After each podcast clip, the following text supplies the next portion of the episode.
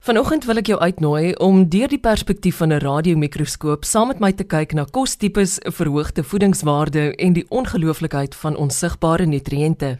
Dit te danke aan die toegewydheid van ons kontinent se wetenskaplikes. Nou navorsing wat Afrika se stapelvoedselsoorte voedsamer en verdraagsamer teen klimaatsverandering maak, het die afgelope dekades nogal gevorder danksy samewerking tussen die Universiteit van die Vrystaat en navorsers oor die vasteland heen. Dit het nie net gelei tot nuwe kultivars nie, maar lewer ook betekenisvolle bydraes om toestande soos blindheid weens 'n tekort aan Vitamiin A te help voorkom. Professor Marika Labeskagni, hoof van die Nasionale Navorsingsstigting se Suid-Afrikaanse Leerstoel Inisiatief vir Siekteweerstand en Gehalte in Akkerbougewasse aan die Universiteit van die Vrystaat, werk dan saam met meer as 20 PhD-studente en postdoktorale genote elders in Afrika. En vanoggend hoor jy 'n storie oor navorsing wat beliggaam word in die vorm van gesonde kos, gedoen deur wetenskaplikes sonder stuit.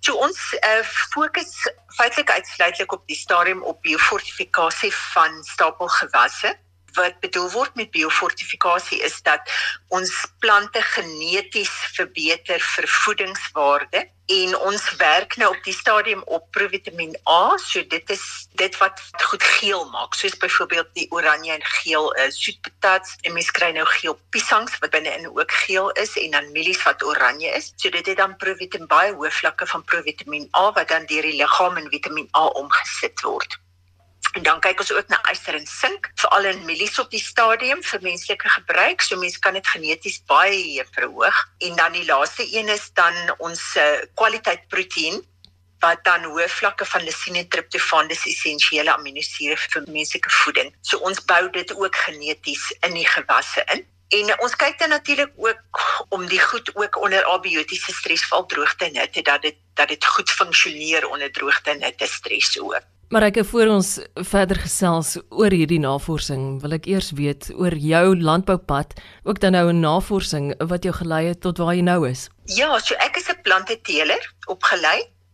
En so ek ek het maar al die jare van dit ek begin het met my loopbaan was ek besig met gewaskwaliteit. Dit is vir my baie interessant en mense kan sulke goeie goed doen met genetika in en gewasse. Ek werk ook op bakkwaliteit van koring. Dit is eintlik maar my eie pet project. En um, so ek het vir jare en jare daarop gewerk en toe mettertyd al hoe meer betrokke geraak by mielies en ons het ook op baie op cassava gewerk. Dis wat hulle in Afrikaans broodwortel noem en ons werk nog steeds op cassava ook. En dan ander gewasse op so sorghum en soetpatats piesangs so ietsie van alles maar ons kyk maar vir biofortifikasie van al die gewasse en om die kwaliteit te verbeter daarvan. Ek het my indink jy te doen met navorsers reg oor die kontinent Ja.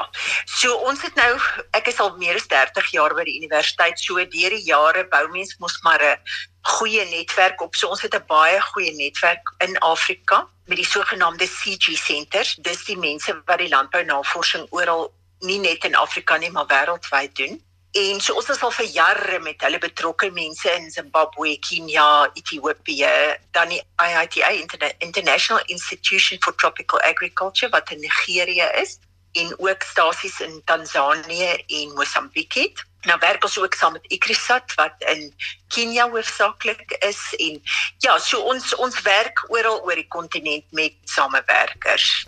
Wat is van die ander interessante navorsing wat op die oomblik in Afrika gedoen word? Ek dink die fokus is baie op klimaatsverandering. Ons die hele Afrika voel dit, veral die klein boere voel dit aan hulle lywe daar's 'n daadwerklike toename in temperature en definitief vir die reënvalpatrone heelwat verander. Uh reën was altyd baie voorspelbaar geweest en en dit het heeltemal verander. So daar's baie groot klem om gewasse te ontwikkel wat tolerant is vir vir die klimaatsveranderings. Ons almal weet goed mens is wat jy eet, maar dis wonderlik om te hoor dat daar soveel navorsing in Suid-Afrika en ook buite ons grense gedoen word om die voedingswaarde van plant en dan spesifiek ook veldgewasse te verbeter.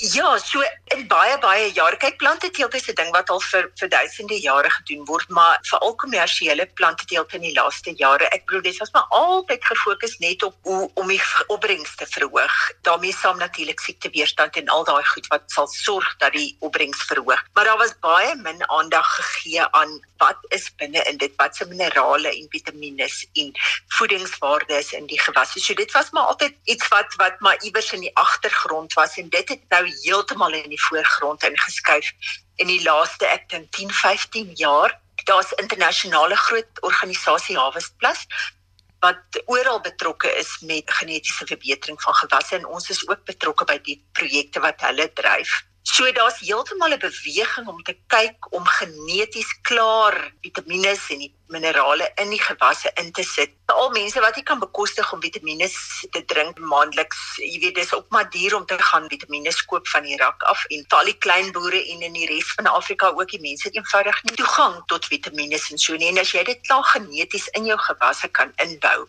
dan as daai mense die gewasse oes en dan eet hulle en dan kry hulle outomaties hulle vitamiene en minerale wat hulle nodig het, kry hulle klaar in. Dis eintlik 'n fantastiese konsep dat jy dan klaar 'n ready-made pakket het met opbrengs, siekteweerstand, goeie minerale en, en vitamiene uh, samestelling klaar binne in die gewas vir die mense om te eet. Ek is seker daar is vele suksesverhale wat jy met my kan deel oor boere wat toegepas het wat jy nagevors het. Ja, ek dink in meer in die res van Afrika dink ek as in Suid-Afrika self omdat die fokus in die buiteland of in die res van Afrika maar baie klein boerproduksie is terwyl dit in in Suid-Afrika meer is vir kommersiële boere. Maar daar was al ongelooflike suksesverhale in Afrika gewees oor hierdie biogefortifiseerde gewasse. Natuurlik in Suid-Afrika ook. As jy kyk na oranje patats, dis biofortifikasie. Ek bedoel 'n paar jaar gelede was daar nie oranje patats gewees nie en oranje mielies Dit is nou nie 'n fisieke bekende ding in Suid-Afrika nie, maar byvoorbeeld in Zambië word dit baie algemeen geëet en dit het hoë vlakke van provitamiin A wat dan in Vitamiin A omgesit word. En dan yster en sink in boontjies het baie verhoog, in mielies het verhoog. Daar's fantastiese uh, stories oral oor die wêreld van biofortifikasie wat baie suksesvol is. Wat sou jy sê in jou ervaring is dit waaroor boere in Suid-Afrika die meeste oor kop krap op hierdie oomblik? Van van produksie, ek dink almal is maar bekommerd oor die oor die hitte en droogte. Ek dink in daai droogte tyd wat ons gehad het 'n paar jaar gelede het ons gesien waar die temperature heen gaan en en wat die effekte daarvan is op die gewasse. So ek dink die klimaatsverandering is maar 'n groot opkrap op die stadium, maar ek dink die teelers is besig daarmee dat uh, ons ons gewasse alles kan tolerant maak tot klimaatsverandering. En tog is Suid-Afrika 'n land met uiteenlopende weeromstandighede. Wat sou jou praktiese raad wees aan ons boere? Aan ons boere, hulle moet maar goeie saad koop. Ja, ek dink soos daar al hoe beter en en meer tolerante kultivars op die mark kom, ek dink is dit maar waantoe mense sal beweeg om om meer die tolerante kultivars te plant. Goed wat hulle weet is aangepas vir klima of vir hoër temperature en vir droogte toestande. Marike, waaroor is jy veral opgewonde binne landbounavorsing op die oomblik? Hierdie biofortifikasie is 'n wonderlike ding en op die stadium word dit gefokus tot 'n groot mate op ystersink, jodium, 'n bietjie selenium en dan die provitamin A en en so aan, maar daar's groot planne vir die toekoms wêreldwyd om te kyk na allerlei ander goed wat in gewasse ingebou kan word om voedingswaarde te verbeter. Byvoorbeeld vetsuursamestelling van olies uh, om dit meer gesond te maak vir soos hartprobleme en so aan. So daar's allerlei ontwikkelings in terme van biofortifikasie van allerlei ander goed behalwe die die goed waarmee wat nou vir biofortifikasie toegepas word. Landbouleer is so 'n praktiese veld. Ek wonder hoe het julle dit hanteer in die tyd van COVID? O, ons was eintlik baie gelukkig. Ons kon darm ons veldproewe nog doen en ons proewe in die glashuis kon alles aangaan. So genadiglik was ons nie te erg geaffekteer nie. So nee, ons was baie gelukkig geweest. Dink jy daar was in daardie tyd lesse geleer waarop 'n mens kan voortbou in die toekoms?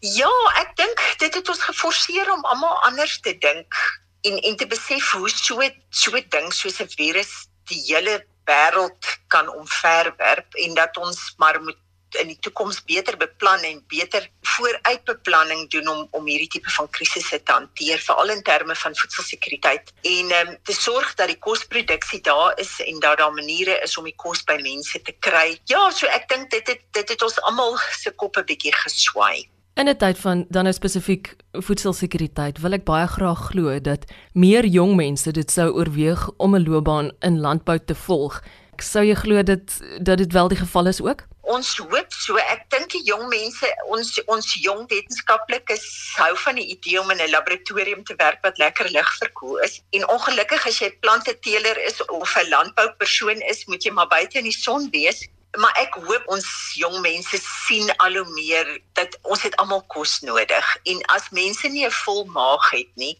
is hulle gelukkig met niks nie en dit is ons jong mense wat dit moet vorentoe vat en moet sorg dat daar kos op elke gesin se borde is in die aand en ek hoop regtig dat ons jong toegewyde mense kan kry om in landbou te werk en buite in die son te werk om kos op die tafel te sit. Maar ek sê my, wat is van die interessante navorsingsprojekte wat julle nog vir die res van die jaar gaan aanpak? Ons is nou tans besig met biofortifikasie nog van van kassave en om te kyk hoe die goed reageer in droogte en hitte. So ons het nou al goeie geel kassave ontwikkel en um, wat nou getoets word. Ons is besig om gene stacking te doen wat hulle sê. So ons sit nou in dieselfde genetiese agtergrond yster en sink en provitamin A en essensiële aminosure. Dis iets wat ons nog nie kon regkry nie, maar ons is besig om goed te vorder daarmee, so dat jy 'n klomp goed gelyk in kan bou en dan nog, jy weet, toleransie vir streskondisies ook.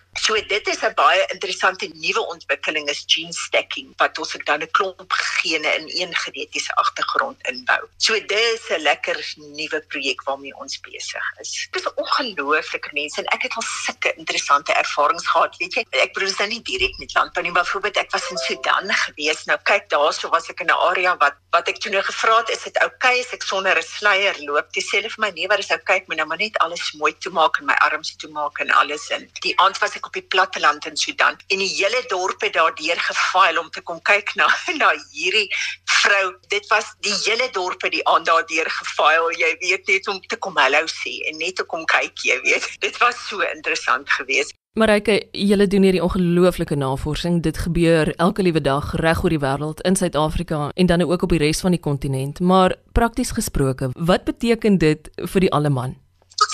Voedselsekuriteit is seker ek bedoel ek kan nie dink aan iets belangriker as voedselsekuriteit nie. Dis waaroor dit gaan. As mense nie kos het nie, dan is niks reg nie. En as ons nie sorg vir voedselsekuriteit in die toekoms nie, gaan niks anders help nie. Jy weet, ek dink is een van die primêre goeders en dis ons verantwoordelikheid om te sorg dat mense kos het. En en dis waar waaroor ons navorsing gaan en dis waaroor die hele kontinent al saamwerk is om te kyk na die toekoms se voedselsekuriteit. Ek dink dis die belangrikste ding. Ek dink ek dink die feit dat mense nie besef dat ons werk almal saam. Jy weet dat daar regtig samewerking is en dat mense regtig, jy weet selfs mense in Sudan en in Nigerië en almal het 'n het 'n gemeenskaplike doelwit, jy weet om om kos te voorsien en goeie kwaliteit kos te voorsien en om te kyk na klimaatsverandering en en hoe ons met die nuwe genetika of dit kan ondervang. Jy weet ons ons kan nie bekostig om op 'n eiland te sit nie. Ons moet almal hande vat. Dit is al maniere hoe ons hierdie probleme gaan oplos. So ek dink dis maar die die bottom line.